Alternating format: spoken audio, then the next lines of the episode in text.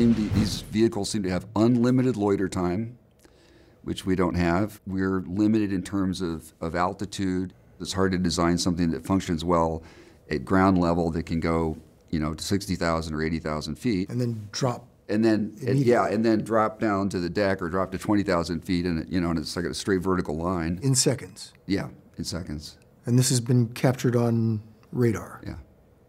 I've talked to some of the radar operators who observe that. Then the acceleration is beyond any, far beyond anything that we, that we're capable of.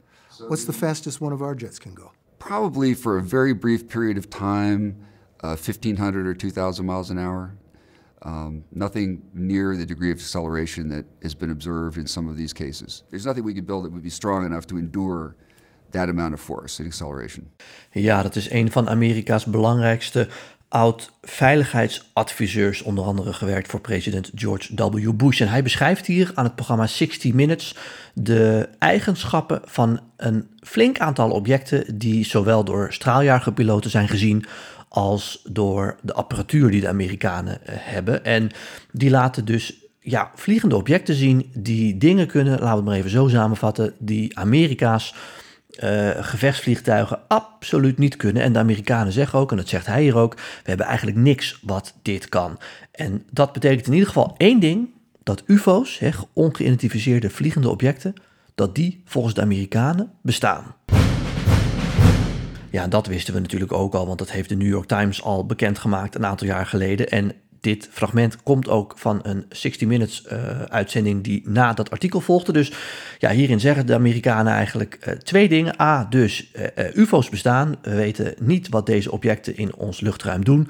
En ze zeggen daar ook nog bij, dat zegt deze meneer, maar dat zeggen ook een aantal straaljagerpiloten die in het interview met de New York Times en ook bij 60 Minutes aan het woord komen, dat die objecten dingen doen die zij absoluut niet kunnen. En dat is natuurlijk ook waarom de Amerikanen zich hier zo'n zorgen over maken, omdat als dit buitenaardse wezens zijn, dan is dat nog niet eens zo uh, erg. Maar het is vooral erg als blijkt dat de Chinezen of bijvoorbeeld Rusland of Iran apparatuur hebben, drones hebben, vliegtuigen hebben of andere apparaten hebben die dingen kunnen die niet alleen de Amerikanen niet kunnen, maar waarvan de Amerikanen eigenlijk zeggen, ja, maar dit kunnen we bij lange na niet. In hetzelfde interview zit een, uh, zit een, uh, of, uh, een stuk met een Amerikaanse straaljagerpiloten. Er komen meerdere piloten aan het woord die ongeveer allemaal hetzelfde hebben gezien. En daarin spreken ze onder andere over de bekende uh, vliegende tic-tac. Dan moet je maar eens gaan googlen, dan krijg je allerlei informatie daarover.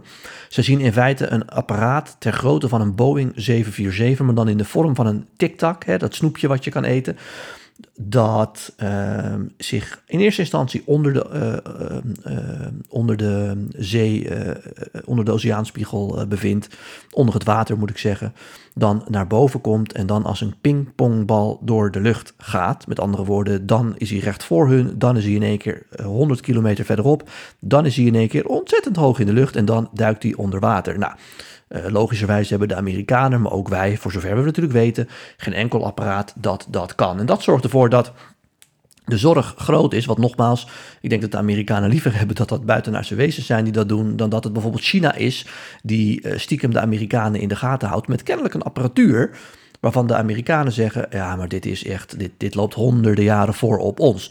En dat is ook de reden dat het Amerikaanse uh, Pentagon ieder jaar momenteel een rapport naar buiten brengt met het aantal UFO-meldingen, omdat ze dit dus heel serieus nemen. En het zijn dus vooral meldingen, niet zozeer van mensen die in de achtertuin zitten en in de lucht uh, kijken, maar dat zijn vooral meldingen van straaljagerpiloten, want de meeste van deze meldingen komen, en dat geldt ook voor deze TikTok, komen uh, van straaljagerpiloten omdat ze plaatsvinden rondom Amerika's militaire basissen. En dat is natuurlijk belangrijk, want daarmee is het meteen een matter of national defense, zoals de Amerikanen zeggen. Nou, even los van dat verhaal over die TikTok en die UFO's, dat noemen de Amerikanen overigens nu UAP's, Unidentified Aerial Phenomena, omdat ja, een UFO staat, dat heb ik al gezegd, voor een ongeïdentificeerd vliegend object. En ja, veel mensen moeten dan een beetje lachen en denken dan aan ET. Maar ja, dat hoeft natuurlijk helemaal niet. Er zijn tal van andere mogelijkheden voor. En die discussie laait zich nu weer op. Nu natuurlijk die Chinese uh, weerballon hebben gehad. En uiteindelijk al die objecten die uh, inmiddels zijn neergeschoten boven Alaska en Canada. En inmiddels is duidelijk dat los van die ballon dat die drie objecten die daarnaast zijn neergeschoten, dat dat geen ballonnen waren, maar dat dat ja, lijkt op een soort uh, cirkelachtige drones. Hè. Straaljagerpiloten hebben volgens uh, bronnen die CNN weer gesproken heeft, van het object dat boven Alaska neer is geschoten gezegd dat het gewoon stil stond in de lucht eigenlijk. Het hing stil in de lucht en het leek een soort drone. Ze hebben in ieder geval kunnen zien dat er niemand in zat en toen hebben ze het ding uit de lucht geschoten. En de Amerikanen willen natuurlijk weten waar komt dat vandaan, van wie is het. Het leek vanuit de Noordpool te komen, hè? in ieder geval de richting van de Noordpool. Nou, dat uh, kan er, um, uh, dat kan betekenen dat het van Rusland uh, afkomstig is, dat weten we niet. Maar de Amerikanen gaan die drie toestellen die nu neergehaald zijn na nog de luchtballon, die gaan ze natuurlijk bergen en dan moet duidelijk worden waar die eventueel vandaan komen. Het woord is een paar keer gevallen, buitenaardse wezens. Nou ja, die discussie lijkt natuurlijk automatisch op als we het hierover hebben. En dat vindt de Amerikaanse regering dus eigenlijk heel vervelend, want dat leidt af van waar het echt over moet gaan, namelijk wie bespioneert ons. Uh, de gouverneur van Montana, een van de staten waar uh, zowel dat, uh, een vliegend object is gezien als de luchtballon natuurlijk overheen is gevlogen, zei gisteren op de Amerikaanse televisie: Ik sluit ook buitenaardse wezens niet uit, want ik sluit niks uit op het moment. maar de Amer Amerikaanse regering zoekt het toch echt in de, de, de ja, de, de, richting van spionage en vinden het ook belangrijk om te weten wie er hun bespioneert. En dat is dus ook de reden dat het meldpunt geopend is. En nou, ongeveer per jaar zijn er een paar honderd meldingen van dus objecten die niet verklaard kunnen worden. En het ministerie van Defensie neemt dat dus serieus en wil die vervolgens ja, achterhalen, uitzoeken wat daar precies uh, aan de hand is. Uh, en vaak blijkt overigens dat het inderdaad gaat om verdwaalde weerballonnen die van bedrijven of van de Amerikanen zelf afkomstig zijn. Soms zijn het gewoon luchtspiegelingen, soms zijn het andere natuurverschijnselen en blijkt er dus geen sprake te zijn van echte uh, bedreigende objecten van wie die ook afkomstig zijn. Maar er zijn toch nog per jaar ongeveer 100 gevallen waarvan gewoon niet duidelijk is wat die precies zijn. Maar één ding is duidelijk. En vraag dat aan verschillende straaljagerpiloten. Die interviews kun je ook dus gewoon zien op YouTube en op de Amerikaanse televisie.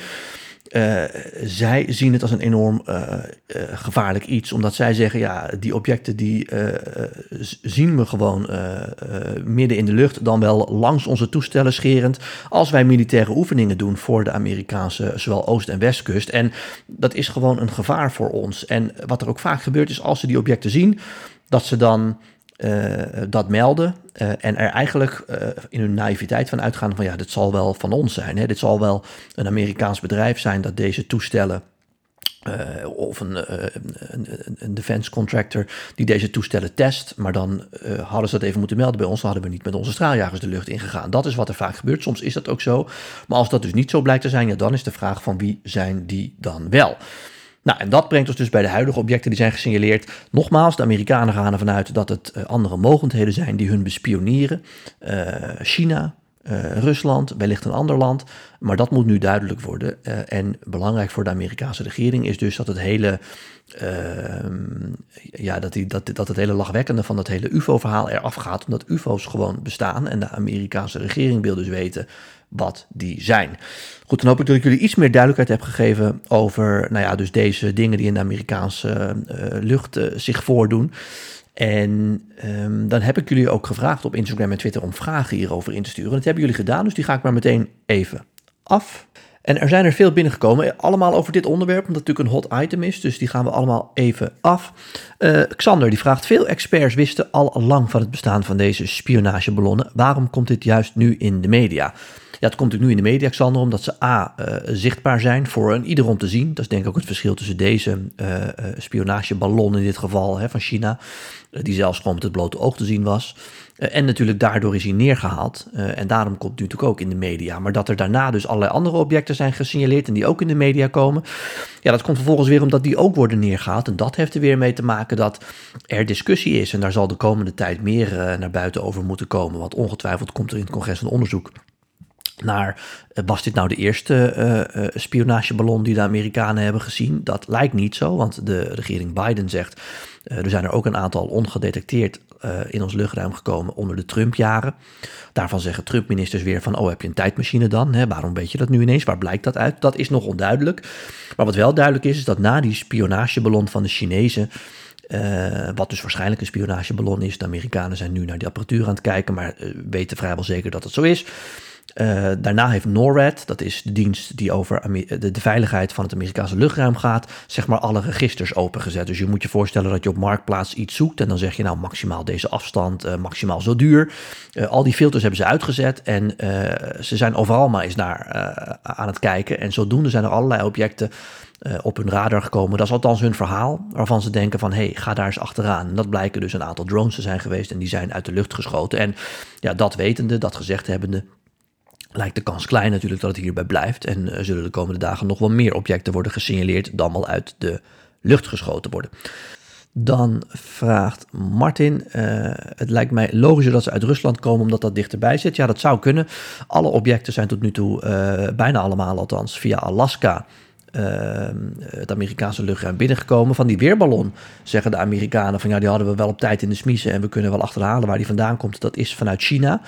Maar uh, die andere objecten lijken dus ergens anders vandaan te komen. Dus men weet niet 1, 2, 3 of die vanuit, van die, of die vanuit China komen. En bij die weerballon hebben de Chinezen natuurlijk ook meteen gezegd: hè, van oh, die is van ons. Dat is een weerballon. Terwijl de Amerikanen vervolgens zeiden: van ja, volgens mij is het een spionageballon. Maar in ieder geval zei China meteen: uh, die is van ons. En dat wordt bij de andere apparaten die uit de lucht zijn geschoten natuurlijk niet gezegd. Dan zegt Martin, als deze objecten steeds via Alaska komen, denken de Amerikanen dan niet dat het uit Rusland komt? Ja, uh, daar hadden we net ook al even kort over. Tegelijkertijd, uh, het gaat dus wel over het algemeen, uh, los van die ballon, over objecten die technisch, ja, technische hoogstandjes zijn. En dan denken de Amerikanen niet meteen aan Rusland. Dan denken ze eerder aan China. Kijk ook wat er in Oekraïne gebeurt. De algemene reactie van de Amerikaanse defensietop is van we told you so. Die Russen zijn helemaal nergens toe in staat. Hebben allemaal oud spul, rotzooi. Dus de Amerikanen denken gewoon niet dat Rusland dit kan doen. En dat zou natuurlijk wel, hè, dan kom ik terug op mijn eerdere opmerking. Ze hebben liever dat het buitenaardse wezen zijn, dan dat dit natuurlijk apparatuur vanuit Rusland zou zijn. Want dat betekent dat de Russen technisch gezien ver gevorderd zijn. Dat is ook de reden Waarom ik net uitgebreid even over die UAP's, hè, die uh, Unidentified Aerial Phenomena, en de rapporten die daarbij horen, ben begonnen. Om ook even aan te geven dat ja, we zien nu veel in het nieuws dat er dus kennelijk objecten zijn gesignaleerd. Er zijn allerlei redenen voor. Uh, maar ik wil maar duidelijk maken dat dit al jarenlang in Amerika speelt. Uh, en dat het niet 1, 2, 3 iets met aliens te maken uh, heeft of hoeft te hebben. Maar dat het gewoon een, een, een, een onderdeel is van het geopolitieke schaakspel. Dan vraagt Aaron, zijn de objecten echt gevaarlijk? Uh, hè, bijvoorbeeld omdat ze spioneren of is het echt alleen maar omdat ze de boel willen uitlokken? Ja, dat weten we nog niet, daar is het te vroeg voor. Uh, dat zullen de bergingen uh, moeten uitwijzen. Ze zijn in ieder geval niet bewapend, uh, voor zover we weten. Maar ze zijn wel bedoeld om te bespioneren. Dat is in ieder geval duidelijk geworden door de berging van die spionageballon vanuit China. Van die andere objecten weten we het niet. wat ik wel weet, en dat is de laatste vraag, die wordt door Bart gesteld. Hoe wordt Bob Lazar in Amerika gezien? Als een fantast of ja, niet? Uh, ja, voor de mensen die het niet weten, Bob Lazar is een van uh, uh, Amerika's bekendste ufologen, zal ik maar even zeggen. Eh, hij ehm, is een slimme vent en het verhaal is, zijn verhaal is, dat hij is gerecruiteerd toen hij jong was om te komen werken in een van die gebouwen om Area 51 heen. Daar is hij gevraagd samen met andere wetenschappers om een buitenaardse technologie terug te fabriceren. Gaan we toch even nog terug naar de aliens. Maar goed, dat is ook sappig wat betreft dit onderwerp. Dus waarom niet? Eh, je vraagt immers naar Bob Lazar. Hij zegt dat er verschillende uh, buitenaardse voertuigen zijn opgegraven, uh, zowel bij archeologische onderzoeken als bij recente crashes. En dat die draaiden op zwaartekracht. Met andere woorden, die, uh, dat pingpongen van die enorme tic-tac, wat die straaljagerpiloten beschrijven. Volgens Bob Lazar komt dat omdat ze geen klassieke aandrijving hebben, maar gebruik maken van de zwaartekracht. Dat kunnen wij niet. Die toestellen kunnen dat wel. En hij is gevraagd met andere wetenschappers om ja, die techniek te achterhalen van Oké, uh, dit gebruiken die voertuigen, kun je dat terughalen en kun je eventueel kijken hoe we dat kunnen kopiëren. En hij is daarmee naar buiten getreden al in de jaren 80. En daarom wordt hij door heel veel mensen die in de UFO-wereld zitten en dat interessant vinden, heel erg serieus genomen. Uh, neem ook Joe Rogan, hè, die bekende podcaster. Daar is hij ook een keer uitgebreid in de uitzending geweest. Ik kan je aanraden die terug te luisteren, alleen omdat het heel erg sappig is, uh, juicy. Um, maar door dat soort mensen wordt hij heel serieus genomen, omdat hij dus in de jaren tachtig al met dat verhaal naar buiten kwam. Toen beschreef ook wat al die apparaten kunnen en laat dat nu ook net precies de eigenschappen zijn waar ik deze podcast mee ben begonnen.